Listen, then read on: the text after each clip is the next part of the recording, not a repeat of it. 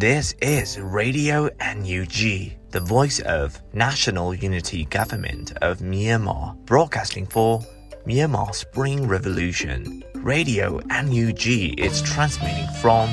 shortwave 16 meter 17.79 megahertz at 8:30 a.m. and 25 meter 11.94 megahertz at 8:30 p.m. Myanmar Standard Time. မင်္ဂလာပါခင်ဗျာ အမျိုးသားညီညွတ်ရေးအစိုးရရဲ့အတန်လွင့်ဌာန Radio NUG ကိုမနက်ပိုင်း၈နာရီခွဲမှာလိုင်းတို16မီတာစက္ကန့်တက်သမ9 MHz ညပိုင်း၈နာရီခွဲမှာလိုင်းတို25မီတာ17တက်သမ6 MHz တို့မှာဓာတ်ရိုက်ဖမ်းယူနိုင်နိုင်ပါပြီမင်္ဂလာအပေါင်းနဲ့ပြည့်စုံကြပါစေအခုချိန်ကစပြီး Radio NUG အစီအစဉ်တွေကိုဓာတ်ရိုက်အတန်လွှင့်ပေးနေပါပြီ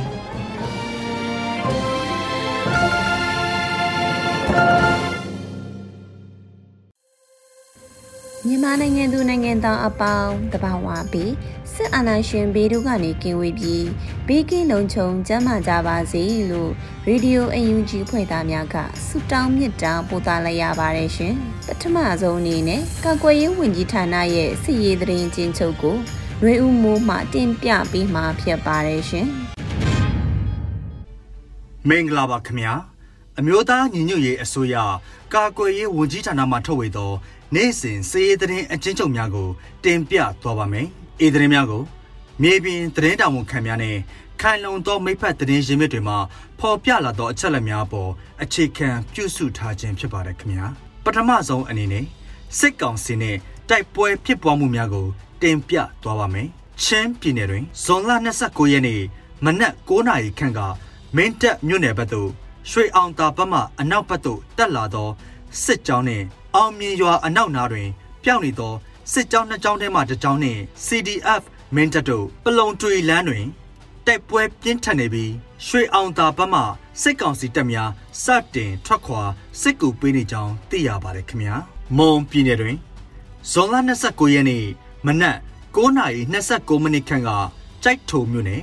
လက်ပံကျေးရွာအနီးတွင်ပြည်သူ့ကာကွယ်ရေးတပ်ဖွဲ့တပ်ရင်း3မှ စစ်ကောင်စီကား၄စီအား40မမနှလုံးဖြင့်ပြစ်ခတ်တိုက်ခိုက်ခဲ့ရာတလုံးကားပေးသူထိကြောင်းသိရပါတယ်ခင်ဗျာဇွန်လ28ရက်နေ့နေ့လယ်တနာရီ20မိနစ်ခန့်ကတထုံမြို့နယ်6မိုင်ကုန်းကျေးရွာတွင် KNLA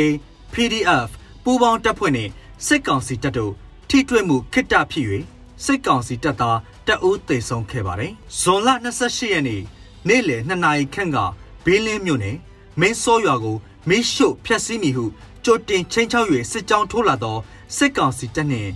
BGF တပ်တို့အား KNLA KNDO ဦးဆောင်သောမိဖက်တပ်ဖွဲ့တို့ကရင်ဆိုင်တိုက်ခတ်ခဲ့ပါတယ်ခင်ဗျာရှမ်းပြည်နယ်တွင်ဇွန်လ29ရက်နေ့မနက်10:00နာရီခန့်ကဒနုကိုပိုင်အုပ်ချုပ်ခွင့်ရဒေသ ပင်းတရမြို့နယ်ပင်းတရမြို့မြောက်ဘက်ရှိမြောက်ကျောင်းကြီးရဲကင်းကိုပြည်သူ့ကာကွယ်ရေးအဖွဲ့တစ်ဖွဲ့ကဝင်ရောက်ပစ်ခတ်ခဲ့ရာစစ်ကောင်စီတပ်သားတအူးသေဆုံးပြီးတအူးအပြင်းထန်ဒဏ်ရာရရှိခဲ့ကြောင်းသိရပါတယ်ခင်ဗျာစကိုင်းတိုင်းတွင်ဇွန်လ28ရက်နေ့ညနေ9:00နာရီခန့်ကချောင်းဦးမြို့နယ်ဂွေးပင်တော်ကျေးရွာအနီးတွင် မုံရွာမြို့မှထွက်လာသည့်စစ်ကောင်စီကား2စီးအား MRA နှင့်ပြည်သူ့ကာကွယ်ရေးတပ်မတော်စကိုင်းခရိုင် PDF တပ်ရင်း9တို့မှဗဒေတာမိုင်းများဖြင့်မိုင်းဆွဲတိုက်ခိုက်ခဲ့ရာကားကြီးတစ်စီးမေးလောင်ပျက်စီးသွားခဲ့ကြောင်းသိရပါတယ်။ဇွန်လ28ရက်နေ့မနက်8:45မိနစ်ခန့်ကဗိုးတလင်မြို့နယ်ကူတော်ကျေးရွာမှဗိုးတလင်မြို့သို့ပြန်လာသည့်စစ်ကောင်စီတပ်သား40ခန့်အားဗန်ဒူးလာတက်ရင်ဒေသခံကာကွယ်ရေးအဖွဲ့တို့မှမိုင်း6လုံးခွဲတိုက်ခိုက်ခဲ့သည့်အပြင်ဗိုးတလင်မြို့အဝင်တွင်လည်း လက်နက်ကြီးများဖြင့်ပစ်ခတ်တိုက်ခတ်ခဲ့ရာစစ်ကောင်စီတပ်သားများမှပြန်လည်ပစ်ခတ်ခဲ့သဖြင့်တိုက်ပွဲကြာချိန်45မိနစ်ခန့်ကြာမြင့်ခဲ့ပါတယ်။တိုက်ပွဲအတွင်းစစ်ကောင်စီတပ်သား2ဦးသေဆုံး၍9ဦးဒဏ်ရာရရှိခဲ့ကြောင်းသိရပါတယ်ခင်ဗျာ။တနင်္သာရီတိုင်းတွင်ဇွန်လ29ရက်နေ့မနက်7:00နာရီခန့်ကပလောမြို့နယ်ရှိပြည်သူ့ကာကွယ်ရေးတပ်မတော် PDF များရှိရာသို့စစ်ကောင်စီဘက်မှစစ်ကြောင်းနှစ်ကြောင်းဖြင့်ထိုးစစ်ဆင်တိုက်ခတ်လျက်ရှိပါတယ်။ စစ်ကောင်စီများကလက်နက်ကြီးပစ်ခတ်မှုအကြိမ်60နီးပါးရှိနေ၍ဇက်တိုက်တနက်ပစ်ခတ်မှုများပြုလုပ်လျက်ရှိပါတယ်။လက်ရှိအချိန်တွင်မှော်မိကျေးရွာမကြီးကုန်းကျေးရွာနှင့်နန်းတောင်ကျေးရွာနေဒေသခံရွာသူရွာသားများနေအိမ်စွန့်ခွာထွက်ပြေးတိမ်းရှောင်နေရကြောင်းသိရပါတယ်ခင်ဗျာမကွေးတိုင်းတွင်ဇွန်လ29ရက်နေ့မနက်၄နာရီခန့်ကကန့်ကောမြို့နယ်မြောက်ပိုင်း ဘန်ကာကရုတ်ကျင်းများဖြင့်အခိုင်အမာတိစောက်ထားသည့်တောင်ခရမ်းရွာရဲစခန်းကိုဒေသကာကွယ်ရေးပူးပေါင်းတပ်ဖွဲ့များမှလက်လုံလက်နက်များဖြင့်အချက်ပေါင်းများစွာပစ်ခတ်တိုက်ခတ်ခဲ့ပါတယ်။စစ်ကောင်စီတပ်သားများအထိအခိုက်အကြအဆုံးများနိုင်ပြီးပြည်သူကာကွယ်ရေးရဲဘော်တအူပေါင်ကြည်ထိမှန်တရားရခဲ့ကရဲစခန်းအတွင်းမှာစစ်ကောင်စီတပ်သားများရန်တမ်းပစ်ခတ်မှုကြောင့်စခန်းအရှိတ်ရက်ကွက်ရှိပြည်သူပိုင်ဆိုင်သည့်နွားတကောင် တေဆုံးသွားကြောင်းသိရပါတယ်ခင်ဗျာဇွန်လ28ရက်နေ့နေ့လယ်12နာရီခန့်ကစောမြို့နယ်ကြောက်ထုဒေသသို့စစ်ကြောင်းထိုးလာသည့်စစ်ကောင်စီများနှင့်ဒေသခံကာကွယ်ရေးတပ်ဖွဲ့များထိတွေ့တိုက်ပွဲဖြစ်ပွားခဲ့ပြီး၎င်းစစ်ကြောင်းသည်ပေါက်မြို့နယ်တက်ကဲချင်းကျေးရွာမှတဆင့်ကိုင်းမကျေးရွာအထိဆုတ်ခွာသွားခဲ့ပါတယ်ခင်ဗျာဇွန်လ28ရက်နေ့နေ့လယ်12နာရီမှ12နာရီ30မိနစ်ခန့်အထိစောမြို့နယ်ကြောက်ထုဒေသ ကြောက်လိတ်ကျေးရွာအရှိတ်ရောချောင်းထဲသို့ရောက်ရှိလာသည့်စစ်ကောင်စီစစ်ကြောင်းကိုကြောက်ထု PDF YRPA ပေါက်တောင်ပိုင်းပျောက်ကြားတပ်ဖွဲ့တပ်ရင်း1 SPGF The Youth Force SAW and ကြောက်ထု SAW PDF တပ်ရင်းနှင့် YRPA ညောင်ရန် PDF အဖွဲ့များပူးပေါင်း၍လက်နက်ကြီးလက်နက်ငယ်များဖြင့်ပစ်ခတ်တိုက်ခတ်ခဲ့ပါတယ်။အေယာဝတီတိုင်းတွင်ဇွန်လ29ရက်နေ့မနက်9:00နာရီခန့်က မြန်အောင်မြို့နယ်ကနောင်မြို့အမှတ်2ရက်ကွက်အတွင်းရှိစစ်ကောင်စီလက်အောက်ခံကနောင်နယ်မြေရဲစခန်းမှရဲတပ်သားဇော်စော်ထက်အားမြို့အလဲပိုင်းလမ်းမပေါ်၌စိုင်ကယ်မောင်းနေစဉ်တွင်နဂနီတော်လန်ရေးတပ်ဖွဲ့မြန်အောင်မြို့နယ်မှတနက်ဖြစ်ပစ်ခတ်ရာဒဏ်ရာဖြစ်ထွက်ပြေးစဉ်အခြားရဲများသိရှိသွားသောကြောင့်အပြန်အလှန်ပြစ်ခတ်မှုဖြစ်ပွားခဲ့ကြောင်းသိရပါတယ်ခင်ဗျာဆက်လက်ပြီးစိတ်ကောင်စီကျိုးလွန်သောရာဇဝတ်မှုများကိုတင်ပြသွားပါမယ် ချင်းပြည်နယ်တွင်ဇွန်လ29ရက်နေ့မင်းတပ်မြို့နယ်မတက်ကျေးရွာဘက်သို့မင်းတပ်မြို့အခြေဆိုင်ခလာရနှစ်ခွန်လေးတက်ရင်မှလက်နက်ကြီးဖြင့်၄ကြိမ်ရန်တမ်းပစ်ခတ်မှုကြောင့်ကလေးငယ်တူထိခိုက်ဒဏ်ရာရခဲ့ကြောင်းသိရပါတယ်ခင်ဗျာရှမ်းပြည်နယ်တွင်ဇွန်လ28ရက်နေ့မနက်7:00နာရီခန့်ကမူဆယ်မြို့နယ်မုံပေါ်ချောင်းတရားထိပ်တွင်တက်ဆွဲထားသောစစ်ကောင်စီတပ်မှလက်နက်ကြီးရန်တမ်းပစ်ခတ်ခဲ့သဖြင့်တာလုံကျေးရွာတွင် လူနေအိမ်အချို့ပျက်စီးခဲ့ကြောင်းသိရပါတယ်ခင်ဗျာကရင်ပြည်နယ်တွင်ဇွန်လ28ရက်နေ့ညနေ8:00နာရီခန့်ကမြဝတီမြို့နယ်ဝေါ်လီမြို့နယ်ခွဲဥက္ကရိထစခန်းတိုက်ပွဲတွင်စစ်ကောင်စီမှလေရင်များဖြင့်အသေးအတန်ပြန်လည်ပစ်ခတ်ခဲ့သဖြင့်ထိုင်းနယ်စပ်ဖြစ်သောထခရိုင်အတွင်းမှမော်လီချိုင်းကျေးရွာအနီးတွင်လက်နက်ကြီးနှစ်ခုဇက်တိုက်ကြားရောက်ခဲ့ပြီးဒေသခံများအထူးသတိပြုနေရပြီးဒေသခံအချို့မှဓာတုလက်နက်ဟု ယူဆရကြောင်းသိရ၍စိုးရိမ်ပူပန်နေကြောင်းသိရပါတယ်ခင်ဗျာစကိုင်းတိုင်းတွင်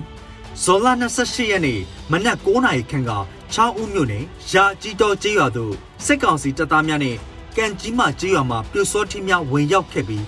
ကျေးရွာနေအိမ်20ခန့်ကိုမီးရှို့ဖျက်ဆီးခဲ့ပါတယ်။ယခုမီးရှို့ခဲ့သည်မှာ9ကြိမ်မြောက်ဖြစ်ပြီးစုစုပေါင်းနေအိမ်60ခန့်မီးလောင်ပျက်စီးခဲ့ကြောင်းသိရပါတယ်ခင်ဗျာ။ဇွန်လ28ရက်နေ့နနက်ပိုင်းက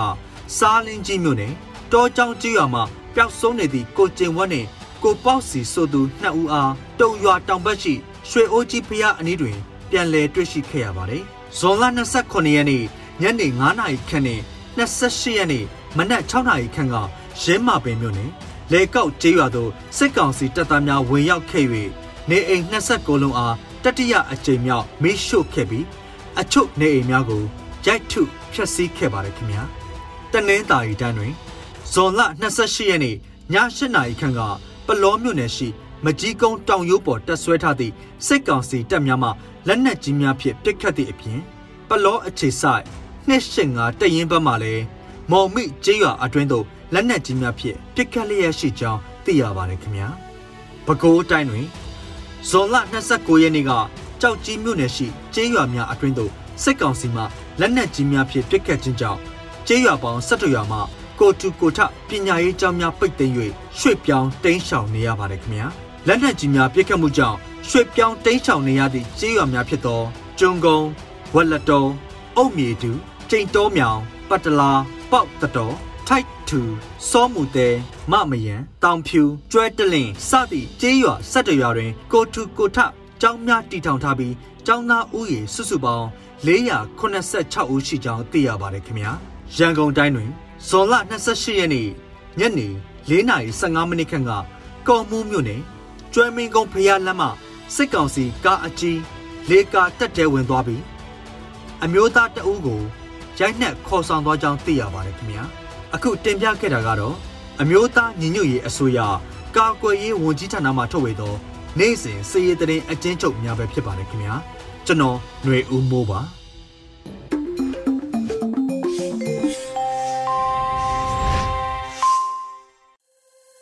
ဆက်လက်ပြီး Radio UNG ရဲ့နောက်ဆုံးရသတင်းများကိုနှွေဦးမောင်မှဖက်ကြားတင်ပြပေးပါမယ်ရှင်။မင်္ဂလာပါခင်ဗျာ။ယခုချိန်ကစပြီး Radio NUG မနက်ခင်းသတင်းများကိုဖတ်ကြားတင်ပြပေးပါတော့မယ်။ယခုတင်ပြပေးမယ့်သတင်းတွေကတော့ Radio NUG သတင်းတာဝန်ခံတွေနဲ့ခိုင်လုံသောမိဖက်သတင်းရင်းမြစ်တွေမှာအခြေခံထားတာဖြစ်ပါတယ်။ကျွန်တော်ကတော့ຫນွေဦးမောင်ပါခင်ဗျာ။ တမရနဲ့အတိုင်းပင်ခံအပါအဝင်နိုင်ငံရေးခေါင်းဆောင်များနိုင်ငံရေးတက်ကြွလှုပ်ရှားသူများပြည်သူများအားလုံးရာဇဝတ်ဂိုင်းတစ်ခုကတစားကန်အဖြစ်ဖမ်းဆီးခံရသူများနဲ့အလားတန်တူနေတယ်လို့အမျိုးသားညီညွတ်ရေးအစိုးရကထုတ်ပြန်ကြေညာခဲ့ပါတယ်။ဇွန်လ29ရက်တွင်တမရနဲ့အတိုင်းပင်ခံအပါအဝင်နိုင်ငံရေးခေါင်းဆောင်များနိုင်ငံရေးတက်ကြွလှုပ်ရှားသူများပြည်သူများအားလုံးရာဇဝတ်ဂိုင်းတစ်ခုကတစားကန်အဖြစ်ဖမ်းဆီးခံရသူများနဲ့အလားတန်တူနေတယ်လို့အမျိုးသားညီညွတ်ရေးအစိုးရကထုတ်ပြန်ခဲ့ပါတယ်။ ဇွန်လ29ရက်နေ့မှာအမျိုးသားညီညွတ်ရေးအစိုးရကကြေညာချက်အမှတ်12မြင်းဆောင်2022နဲ့ထုတ်ပြန်ကြေညာခဲ့ပါတယ်။အကြမ်းဖက်စစ်အုပ်စုကမတရားဖမ်းဆီးထားသောပြည်ထောင်စုသမ္မတမြန်မာနိုင်ငံတော်၏နိုင်ငံတော်သမ္မတနိုင်ငံတော်၏အတိုင်းပင်ခံပုဂ္ဂိုလ်အပါအဝင်နိုင်ငံရေးခေါင်းဆောင်များနိုင်ငံရေးတက်ကြွလှုပ်ရှားသူများပြည်သူများအားလုံးသည်ရာဇဝတ်ဂိုင်းတစ်ခုကတစကန်အဖြစ်ဖမ်းဆီးခံရသူများနဲ့အလားတန်တူနေသည့်ကာလဖြစ်သောကြောင့် တဦးတယောက်ဆင်းစီတိုင်း၏အသက်အန္တရာယ်မှာစိုးရိမ်ပွဲအနေအထားဖြစ်ပေတယ်လို့ဖော်ပြပါတယ်။ဒါအပြင်အကြမ်းဖက်စစ်ကောင်စီရဲ့လုပ်ရက်များဟာနိုင်ငံတကာလူအခွင့်အရေးစံချိန်စံညွှန်းများနဲ့ကိုက်ညီခြင်းမရှိုံသာမကမြန်မာနိုင်ငံက2004ခုနှစ်ဇွန်လ4ရက်နေ့တွင်လက်မှတ်ရေးထိုးခဲ့တဲ့ဒဇာကန်ဖမ်းခြင်းစန့်ကျင်ရေးအပြည်ပြည်ဆိုင်ရာကွန်ဗန်းရှင်းပါအချက်အလက်များကိုလည်းပြောင်းကျကျချိုးဖောက်နေခြင်းဖြစ်တယ်လို့ဆိုပါတယ်။ အမျိုးသားညီညွတ်ရေးအစိုးရအနေဖြင့်လည်းစစ်ကြောရေးစခန်းများနဲ့အကျဉ်းထောင်များအတွင်တစားကများတပွဲမတရားဖမ်းဆီးခံထားရကြပြီးလူအခွင့်အရေးချိုးဖောက်ခံနေကြရသူများ၏အခြေအနေအရေးရက်ကိုမျက်ခြေမပြတ်စောင့်ကြည့်နေပြီးအားလုံးလွတ်မြောက်ရေးအတွက်ကြိုးပမ်းဆောင်ရွက်လျက်ရှိကြောင်းတည်င်းထုတ်ပြန်အပ်ပါတယ်လို့ဖော်ပြပါရှိပါတယ်ခင်ဗျာ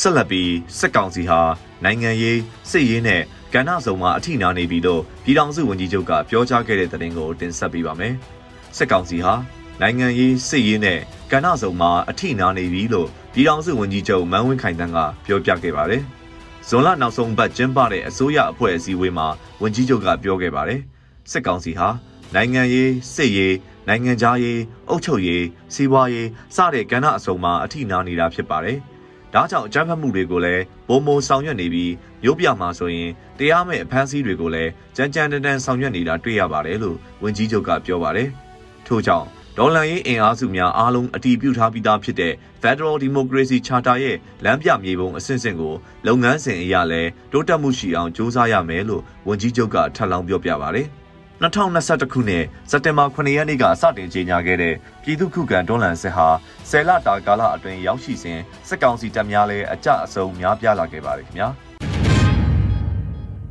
ဆက်လက်ပြီးအမျိုးသားညီညွတ်ရေးအစိုးရရဲ့ဝန်ကြီးများမှလစဉ်အမှတ်တရလက်မှတ်များရေးထိုးပေးထားတဲ့ postcard များကိုငွေတိုက်စာချုပ်ဝယ်ယူသူများထံလစဉ်ထည့်ပေးသွားဖို့ United Bond ကစီစဉ်နေတဲ့သတင်းကိုတင်ဆက်ပေးပါမယ်။အမျိုးသားညီညွတ်ရေးအစိုးရရဲ့ဝန်ကြီးများမှလစဉ်အမှတ်တရလက်မှတ်များရေးထိုးပေးထားတဲ့ postcard များကိုငွေတိုက်စာချုပ်ဝယ်ယူသူများထံလစဉ်ထည့်ပေးသွားဖို့ United Bond စီစဉ်နေရလို့ဆိုပါတယ်။ဇွန်လ29ရက်နေ့မှာ United Bonds ကသတင်းထုတ်ပြန်ခဲ့ပါတယ်။ ဝေတိုက်စာချုပ်ဝယ်ယူသူများအတွက်ဒေါ်လာရေးကာလအမတ်တရဖြစ်စေမဲ့ post ကများကိုလက်ဆောင်အဖြစ်ထည့်ပေးခဲ့ပြီးမြဲစိတ်ဝင်စားစွာနဲ့တောင်းဆိုတဲ့ဝယ်ယူသူများကြောင့် post ကများကိုလစဉ်ထည့်ပေးသွားဖို့ United Bond အဖွဲ့ဝင်များစီစဉ်ပေးနေပါတယ်။အမျိုးသားညီညွတ်ရေးအစိုးရရဲ့ဝန်ကြီးများမှလစဉ်အမတ်တရလက်မှတ်များရေးထိုးပေးထားတဲ့ post ကများကိုဝေတိုက်စာချုပ်ဝယ်ယူသူများထံပေးပို့ပေးခဲ့ပါတယ်လို့ဖော်ပြပါတယ်။ဂျွန်လာအတွက် post ကနမူနာလေးကိုဖော်ပြပေးရာတွင် ပြည်ထောင်စုဝန်ကြီးချုပ်မန်းဝင်းခိုင်တန်းရေးထိုးထားတဲ့လက်မှတ်ပါပါရှိပါတယ်ခင်ဗျာ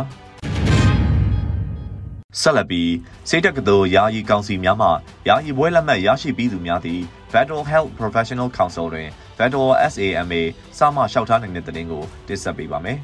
။စိတ်တက္ကသိုလ်ယာယီကောင်စီများမှယာယီပွဲလက်မှတ်ရရှိသူများသည် Federal Health Professional Council တွင် Federal စမှလျှောက်ထားနိုင်ပါတယ်။ဇွန်လ29ရက်နေ့မှာ Federal Health Professional Council က တရားဝင်ကြေညာခဲ့ပါတယ်။အလုတ်တင်ဆရာဝန်တစ်နှစ်ဆင်းပြီး၍သက်ဆိုင်ရာစိတ်တက္ကသိုလ်ယာယီကောင်စီများမှယာယီဘွဲလက်မှတ်ရရှိပြီးသူများသည့် Federal Health Professional Council တွင် Federal စမကိုလျှောက်ထားနိုင်တယ်လို့ဖော်ပြပါတယ်။စိတ်တက္ကသိုလ်တစ်ကယာယီတက္ကသိုလ်ကောင်စီကယာယီဘွဲလက်မှတ်များထုတ်ပေးပြီဖြစ်ကြောင်းဇွန်လ25ရက်နေ့မှာကြေညာထားပါတယ်။ ဘွဲကြိုဘွဲလုံចောင်းသားចောင်းသူများအနာဂတ်အလုပ်အကိုင်နဲ့ပညာရေးအခွင့်အလမ်းများဆုံးရှုံးမှုမရှိစေရန်ရည်ရွယ်၍ယာယီဘွဲလက်မှတ်များထုတ်ပေးမယ်လို့ယာယီတက္ကသိုလ်ကောင်စီကထုတ်ပြန်ပါတယ်ခင်ဗျာ။ဆက်လက်ပြီးမကွေးတိုင်းရေစကြိုမြို့နယ်ရေလဲကျွန်းဒေသရောင်ပင်ရွာထဲရောက်ရှိနေတဲ့စစ်ကောင်စီတပ်များပြည်သူများထံမှခိုးယူထားသောပစ္စည်းများကိုဆက်လီနဲ့တိတ်သွားခဲ့တဲ့တဲ့တင်ကိုတင်ဆက်ပေးပါမယ်။ မကွေးတိုင်းရေစကြိုမြို့နယ်ရေလဲကျွန်းဒေသရောင်ပင်ရွာထဲရောက်ရှိနေတဲ့စစ်ကောင်စီတပ်များပြည်သူများထံမှခိုးယူထားသောပစ္စည်းများကိုဆက်လီနဲ့တည်သွားတယ်လို့ဆိုပါတယ်။ဇွန်လ29ရက်နေ့ညနေပိုင်းညောင်ပင်ရွာထဲရောက်နေသောစစ်ကောင်စီတပ်နယ်ရဲများပြူစောထီးများဟာဆက်လေ၃စီကူးလာပြီးပြည်သူများထံမှခိုးယူထားသောပစ္စည်းများကိုတဲဆောင်သွားတယ်လို့ရေလဲကျွန်းတပ်ပေါင်းစုတရင်ကပြောပါတယ်။ဒါအပြင်အကြမ်းဖက်စစ်တပ်ဟာစစ်ကြောင်းနှစ်ကြောင်းထိုးကချင်းအားကြီးရွာနာကိုပထမအတုပ်ကရောက်ရှိနေက ဒုတိယစစ်ကြောင်းမှာလည်းရွာထဲသို့ဝင်သွားတယ်လို့သတင်းရရှိပါတယ်။ချင်းအားကြီးရွာအပါအဝင်အနီးနားကြီးရွာရှိပြည်သူများဘေးလွတ်ရာရှောက်တိန်နေကြရကြောင်းနဲ့ပြည်သူများတတိထားသွားလာကြရန်ရေလဲကျွန်းတပ်ပေါင်းစုတရင်ကထုတ်ပြန်ပါတယ်ခင်ဗျာ။ဆက်လက်ပြီးကလေးမျိုးအောင်သစ္စာရက်ွက်တွင်စစ်ကောင်စီတပ်များကသားဖြစ်သူကိုမတွေ့၍အဖေဖြစ်သူကိုဖမ်းဆီးခေါ်ဆောင်သွားကစစ်ကြောရေးတွင်တပ်ဖြတ်ခဲ့တဲ့တဲ့တင်ကိုတင်ဆက်ပေးပါမယ်။က လေးမျိုးအောင်သစ္စာရက်ွက်တွင်စစ်ကောင်စီတပ်များကသားဖြစ်သူကိုမတွေ့၍အဖေဖြစ်သူကိုဖမ်းဆီးခေါ်ဆောင်သွားကစစ်ကြောရေးတွင်တပ်ဖြတ်ခဲ့ပါတယ်။ဇွန်လ24ရက်နေ့တွင်စကိုင်းတိုင်းဒေသကြီးကလေးမျိုးအောင်သစ္စာရက်ွက်တွင်နေထိုင်သည့်ဦးမောင်တို့၏သားဖြစ်သူကိုအကြမ်းဖက်စစ်အုပ်စု၏တပ်ဖွဲ့ဝင်များကနေအိမ်၌လာရောက်ဖမ်းဆီးရာမတွေ့သောကြောင့်ဦးမောင်တိုးကိုဒဇာကန်အဖြစ်ဖမ်းဆီးခေါ်ဆောင်သွားခဲ့ပါတယ်။ ဇွန်လ28ရက်နေ့တွင်စစ်ကြောရေး၌တည်ဆုံခဲ့သည့်ဦးမောင်တိုး၏ရုပ်အလောင်းကိုလာရောက်ထုတ်ယူရန်အကြမ်းဖက်စစ်အုပ်စုမှမိသားစုထံအကြောင်းကြားခဲ့ကြောင်း AAPP ကဖော်ပြပါတယ်။2021ခုနှစ်ဖေဖော်ဝါရီလ1ရက်နေ့မတရားစစ်အာဏာလုမှုဖြစ်စဉ်ကိုစတင်ခဲ့ကြသောဒီမိုကရေစီရေးလှုပ်ရှားသူများနဲ့ပြည်သူများ၏ຫນွေဦးတော်လှန်ရေးကာလအတွင်းကြာဆုံးခဲ့ရသူစုစုပေါင်းမှာ2039ဦးရှိခဲ့ပြီဖြစ်ပါတယ်ခင်ဗျာ။ ဆက်လက်ပြီးတဒါအုပ်ခရိုင်ပတ်လမ်းပေါ်တွင်တပ်ဆွဲထားသောအကြမ်းဖက်စစ်ကောင်စီတပ်ဖွဲ့ဝင်များအားကြောက်စဲခရိုင်ကာကွယ်ရေးတပ်ဖွဲ့ KDDF ကအီနာဂါဘုံဖြင့်တိုက်ခတ်ခဲ့တဲ့တဲ့တင်ကိုတင်ဆက်ပေးပါမယ်။မန္တလေးတိုင်းကြောက်စဲမြို့ညောင်ပင်စောက်ကြီးပါအနီးကြောက်စဲတဒါအုပ်ခရိုင်ပတ်လမ်းပေါ်တွင်တပ်ဆွဲထားသောအကြမ်းဖက်စစ်ကောင်စီတပ်ဖွဲ့ဝင်များအားကြောက်စဲခရိုင်ကာကွယ်ရေးတပ်ဖွဲ့ KDDF ကအီနာဂါဘုံဖြင့်တိုက်ခတ်ခဲ့ပါတယ်။ဇွန်လ29ရက်မနက်9:20အချိန်ဘုံသီးဖြစ်တိုက်ခိုက်ခဲ့တယ်လို့ KDDF ကပြောပါတယ်။ အီနာကာနဲ့လူကိုရိုင်းသွားဖြစ်တာပါအထိခိုက်ကတော့ကြောက်စဲရဲ့ထုံးစံတိုင်းသတင်းဖုံးထားတယ်ခင်ဗျာလို့ပြောပါတယ်တရားဥခရိုင်ဘက်လမ်းပေါ်တွင်တက်ဆွဲထားသောအကြမ်းဖက်စစ်ကောင်စီတပ်ဖွဲ့ဝင်များအားကြောက်စဲခရိုင်ကာကွယ်ရေးတပ်ဖွဲ့ KDDF နဲ့ဘာမတီ People Defense Force ပူးပေါင်းမဟာမိတ်တပ်ဖွဲ့မှတိုက်ခိုက်ခဲ့ခြင်းပဲဖြစ်ပါတယ်ခင်ဗျာယခုတင်ဆက်ပေးခဲ့တာကတော့ Radio NUG မနက်ခင်းပြည်တွင်သတင်းများပဲဖြစ်ပါတယ်။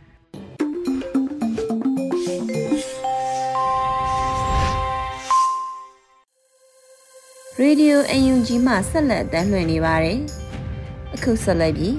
ရက်ဆက်စွာတက်ဖြတ်ခြင်းနဲ့ social media ခေတ်ရဲ့တက်ရောက်မှုဆိုတဲ့ဆောင်းပါးကိုຫນွေဦးမွန်မှဖက်ကြားတင်ဆက်ပေးပါမယ်ရှင်။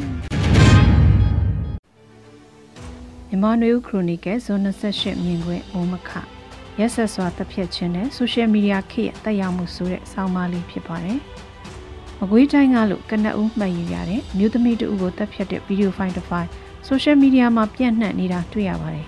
။နိုင်ငံရေးအရတပ်ဖြတ်မှုလို့ယူဆရပါတယ်။လက်တလုံးမှာတော့ဘယ်ဘက်အုပ်စုကကျူးလွန်တယ်လဲဆိုတာတိတိပပပြောဖို့အချက်အလက်အထောက်ထားဒီအဖြစ်ပြက်ကိုသိရှိသူတွေအခြားဆက်ဆက်ချက်အလက်အထောက်ထားတွေမစုံလင်သေးတာကြောင့်ဘယ်ဘက်ကကျူးလွန်တာလဲတာဝန်ခံရမယ်ပွဲလူပုဂ္ဂိုလ်တွေကဘယ်သူတွေလဲဆိုတာရှင်းရှင်းလင်းလင်းမဖြစ်နိုင်သေးပါဘူး။ဒါပေမဲ့ဒီဗီဒီယိုထဲမှာမြို့သမီးတူကိုရက်ဆက်စွာကောင်းဖြတ်တပ်ဖြတ်တဲ့အဖြစ်ကိုအနီးကပ်ရယူထားပြီး တန်တွေရှင်းရှင်းလင်းလင်းတဲတဲကွယ်ကွယ်ကြားကြရတဲ့အဖြစ်ကကြည့်ရှုသူတွေကိုတော်တော်လေးစိတ်ထိခိုက်စေပြီးချချောက်ချားမှုဖြစ်စေတဲ့အတိုင်းအတာအထိဖြစ်စေတာကို social media သုံးစွဲသူတွေရဲ့ post တွေပေါ်မှာဖော်ပြကြတာတွေ့နေရပါတယ်။လက်နက်ကင်ပြပခဖြစ်ပွားတဲ့အခါတိုက်ပွဲမှာတစ်ဖက်နဲ့တစ်ဖက်ပြစ်ခတ်တိုက်ခိုက်ကြရင်သေဆုံးကြရတာဟာနေ့စဉ်လိုလိုဖြစ်ပျက်နေတာပါ။မြန်မာနိုင်ငံရဲ့လက်ရှိအခြေအနေမှာအဲ့ဒီကိန်းဂဏန်းတွေကတရက်ကို30ကနေ50ဝန်းကျင်ရှိမယ်လို့ခန့်မှန်းရပါတယ်။ ချို့ရက်တွေမှာဒီထက်များနိုင်ပြီးပုံမှန်နေ့ရက်တွေမှာလက်နက်ကင်တိုက်ပွဲမှာအသက်ဆုံးရှုံးကြရသူအနည်းဆုံး20ဦးကနေ30ဦးလောက်ရှိမယ်လို့ခန့်မှန်းရပါတယ်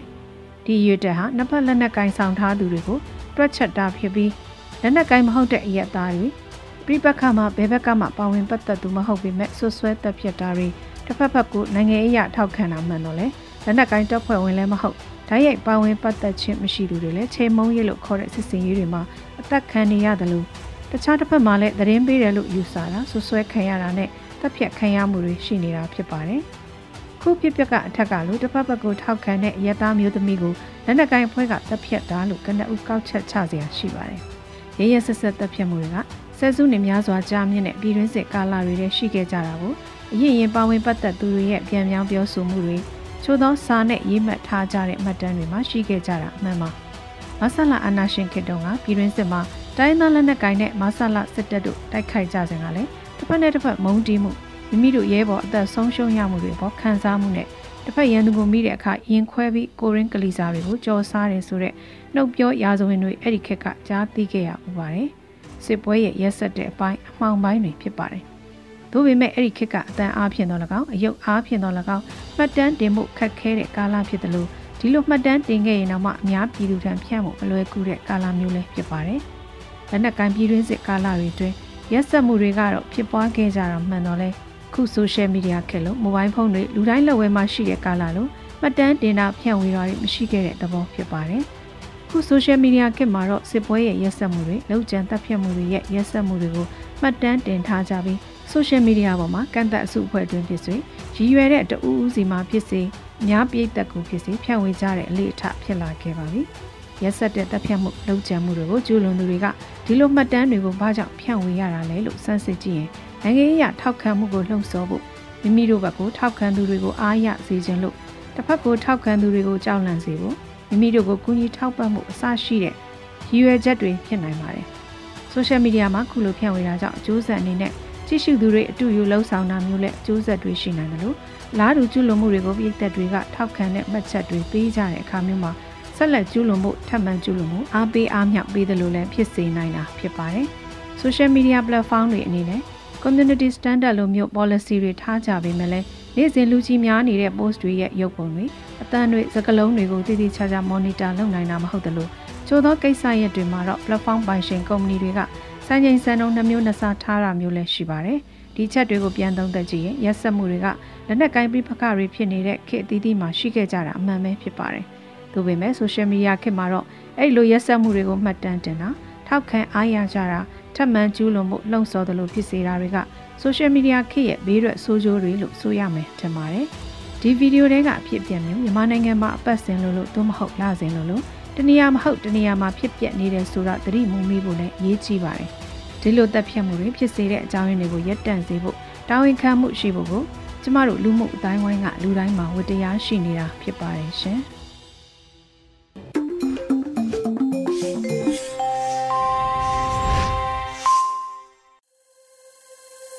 ရေဒီယိုအန်ယူဂျီမှဆက်လက်တမ်းလွှင့်နေပါတယ်။အခုတခါပြည်သူခုခံတော်လှန်စစ်တရေများကိုကျော်ຫນွေဦးမှဖက်ကြားပေးထားပါတယ်ရှင်။ပထမဆုံးအနေနဲ့ချောင်းဦးမှာစစ်ကောင်စီရင်တဲ့မိုင်းခွဲတိုက်ခိုက်ခံရပြီးစစ်သား9ဦးတေဆုံးတဲ့တဲ့တင်တင်ဆက်မှာပါ။စကိုင်းတိုင်းမုံရွာမှထွက်ခွာလာတဲ့စစ်ကောင်စီကားနှစ်စီးကိုချောင်းဦးမြို့နယ်ဂွေးပင်တော်ကြေးရွာအနီးမှာဇွန်လ28ရက်ညနေ9:00နာရီဝန်းကျင်၌ MRA စကိုင်းခရိုင်တပ်ရင်း9ကမိုင်းခွဲတိုက်ခိုက်ရာစစ်သား9ဦးသေဆုံးပြီးအများအပြားဒဏ်ရာရကြောင်း MRA ကထုတ်ပြန်ပါတယ်။ MRA ကဗရေဒါမိုင်းများဖြင့်တိုက်ခိုက်ခဲ့ပြီးစစ်ကောင်စီတပ်ဖွဲ့ဝင်များစီးနင်းလာတဲ့ကားကြီးတစ်စီးမိလောင်ပျက်စီးသွားခဲ့ကြောင်းသိရှိရပါတယ်။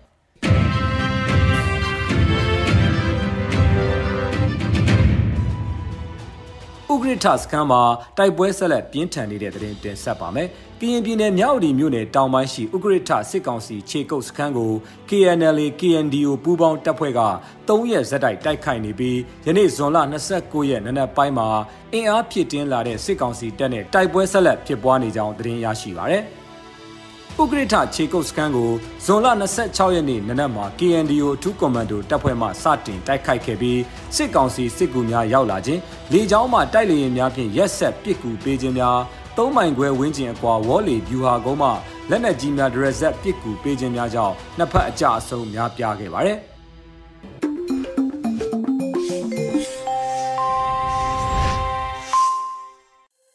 ရေဒီယိုအယူကြီးသောတာရှင်များရှင် PVTV ရဲ့နေ့စဉ်သတင်းများကိုတော့ထထအင်ဒရာအောင်မှဖက်ကြားတင်ပြပေးထားပါတယ်ရှင်။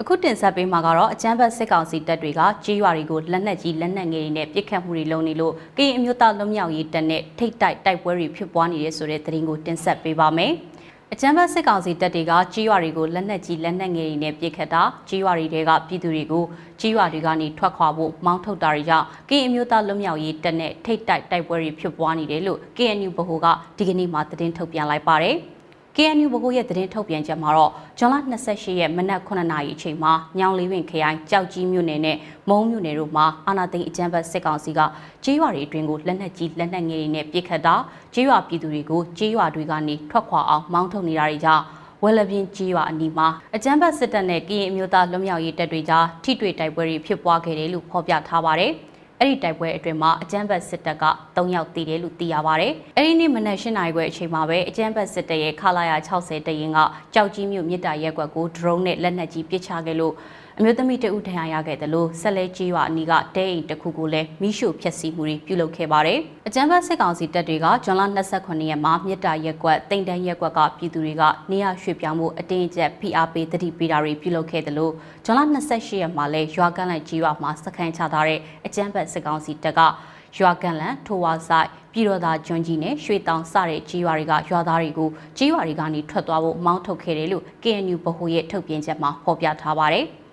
ဒါအပြင်အဲ့ဒီနေ့မှာပဲကြောက်ကြီးမြို့နယ်အင်းနဲ့ကြီးရွာမှာကရင်အမျိုးသားလွတ်မြောက်ရေးတပ်နဲ့အကြမ်းဖက်စစ်တပ်တို့ကြားတိုက်ပွဲနှစ်ကြိမ်ဖြစ်ပွားခဲ့ပြီးတော့အကြမ်းဖက်စစ်တပ်က9ယောက်သေဆုံးတယ်လို့သိရပါတယ်။ KNU ဘိုးကတော့ဇွန်လ29ရက်နဲ့28ရက်မှာထိတ်တိုက်တိုက်ပွဲ3ကြိမ်ဖြစ်ပွားခဲ့ပြီးတော့အကြမ်းဖက်စစ်ကောင်စီဘက်က10ယောက်သေဟာကရင်အမျိုးသားလွတ်မြောက်ရေးတပ်ဘက်ကထိခိုက်သေဆုံးမှုမရှိဘူးလို့ဖော်ပြထားပါတယ်။ ကရင်မျိုးသားအစည်းအရုံး KNU ညောင်လေးပင်ခရိုင်မုံမြို့နယ်ရဲ့နောင်ကုန်းကြီးရွာရံမျိုးအောင်ကြီးရွာနဲ့ကြောက်ကြီးမြို့နယ်ရဲ့ကျွန်းကုန်းလဲဝိုင်းကြီးညောင်ကုန်းညောင်တန်းနှရွဲပင်ငပြက်အင်းဂျိုကုန်းအင်းနက်တကုန်းဝဲလပြင်းအောက်ချင်းကုန်းလှဲလန်ကုန်းဆက်လဲမတော်ကုန်းကျွဲကျူအင်းလော်မှုတော်လော်မှုပဲရွာကန်လန့်ထိုဝါဆိုင်ပြည်တော်သာကျွန်းကြီးရွှေတောင်ထိပ်ပေါက်ပတလာ ကျိန်တော်မြောင်အုံမြီတူထမ်းမင်ကုန်းမမရန်အထက်ပိုင်းမမရန်အောက်ပိုင်းအစရှိတဲ့ကျွော်ပေါင်း30ကလူဦးရေစုစုပေါင်း16138ဦးဘေးလွတ်ရာကိုထွက်ပြေးတိမ်းရှောင်ရတယ်လို့ဖော်ပြထားပါတယ်အခုတကတင်ဆက်ပေးမှာကတော့ကြောက်ကြီးမှာအကြမ်းဖက်စစ်ကောင်စီတပ်ကလက်နက်ကြီးနဲ့ပစ်လို့ရွာဆက်တရွာကကိုတူကူရစာတင်ကျောင်းတွေပိတ်လိုက်ရပြီးတော့စစ်ရှောင်နေရတဲ့ဆိုတဲ့သတင်းမှာ ကြောက်ကြီးမြို့နယ်မှာအကြမ်းဖက်စစ်ကောင်စီတပ်ကကြေးရွာပြည်သူလူထုတွေကိုရည်ရွယ်ချက်ရှိရှိပစ်ခတ်တိုက်ခိုက်နေတာကြောင့်ကြေးရွာပေါင်း17ရွာကကိုထုကိုထစာတင်ကြောင်းတွေပိတ်လိုက်ရပြီးတော့ဒေသခံတွေထွက်ပြေးတင်းရှောင်နေရကြောင်းကရင်အမျိုးသားစီယုံ KNU ကဒီကနေ့ထုတ်ပြန်ပါတယ်စစ်ကောင်စီတပ်ရဲ့ရည်ရွယ်ချက်ရှိရှိလက်နက်ကြီးတွေနဲ့ပစ်ခတ်မှုကြောင့် KNU ညောင်လေးပင်ခရိုင်ကြောက်ကြီးမြို့နယ်က ကျင်းကုန်းဝက်လက်တော်အုံမြေတူကျိန်တော်မြောင်ပတလာပေါတော်ထိုက်ထူစောမှုတဲ့မမယန်တောင်ပူကျွဲတလင်းစတဲ့ကြီးရွာတွေကကျောင်းတွေပိတ်ထားလိုက်ရတာပါအဲ့ဒီကြီးရွာဆက်တရွာကကိုထုကိုထကျောင်းတွေမှာကျောင်းသားဦးရေ486ဦးရှိတယ်လို့လည်းဆိုပါတယ်အာနာသိန်းအကျန်းဘတ်စစ်ကောင်စီရဲ့ဒီလိုလောက်ရက်တွေကြောင့်ကျောင်းနေအရွယ်ကလေးတငယ်တွေအတွက်စ조사တည်ထောင်ထားတဲ့ပညာရေးလုပ်ငန်းတွေကိုရပ်တန့်စေတာဟာလူခွင့်ရေးကိုပြပြပြင်းပြင်းချိုးဖောက်နေတာဖြစ်တယ်လို့သတင်းထုတ်ပြန်ချက်ထဲမှာဖော်ပြထားတာကိုတွေ့ရပါတယ်။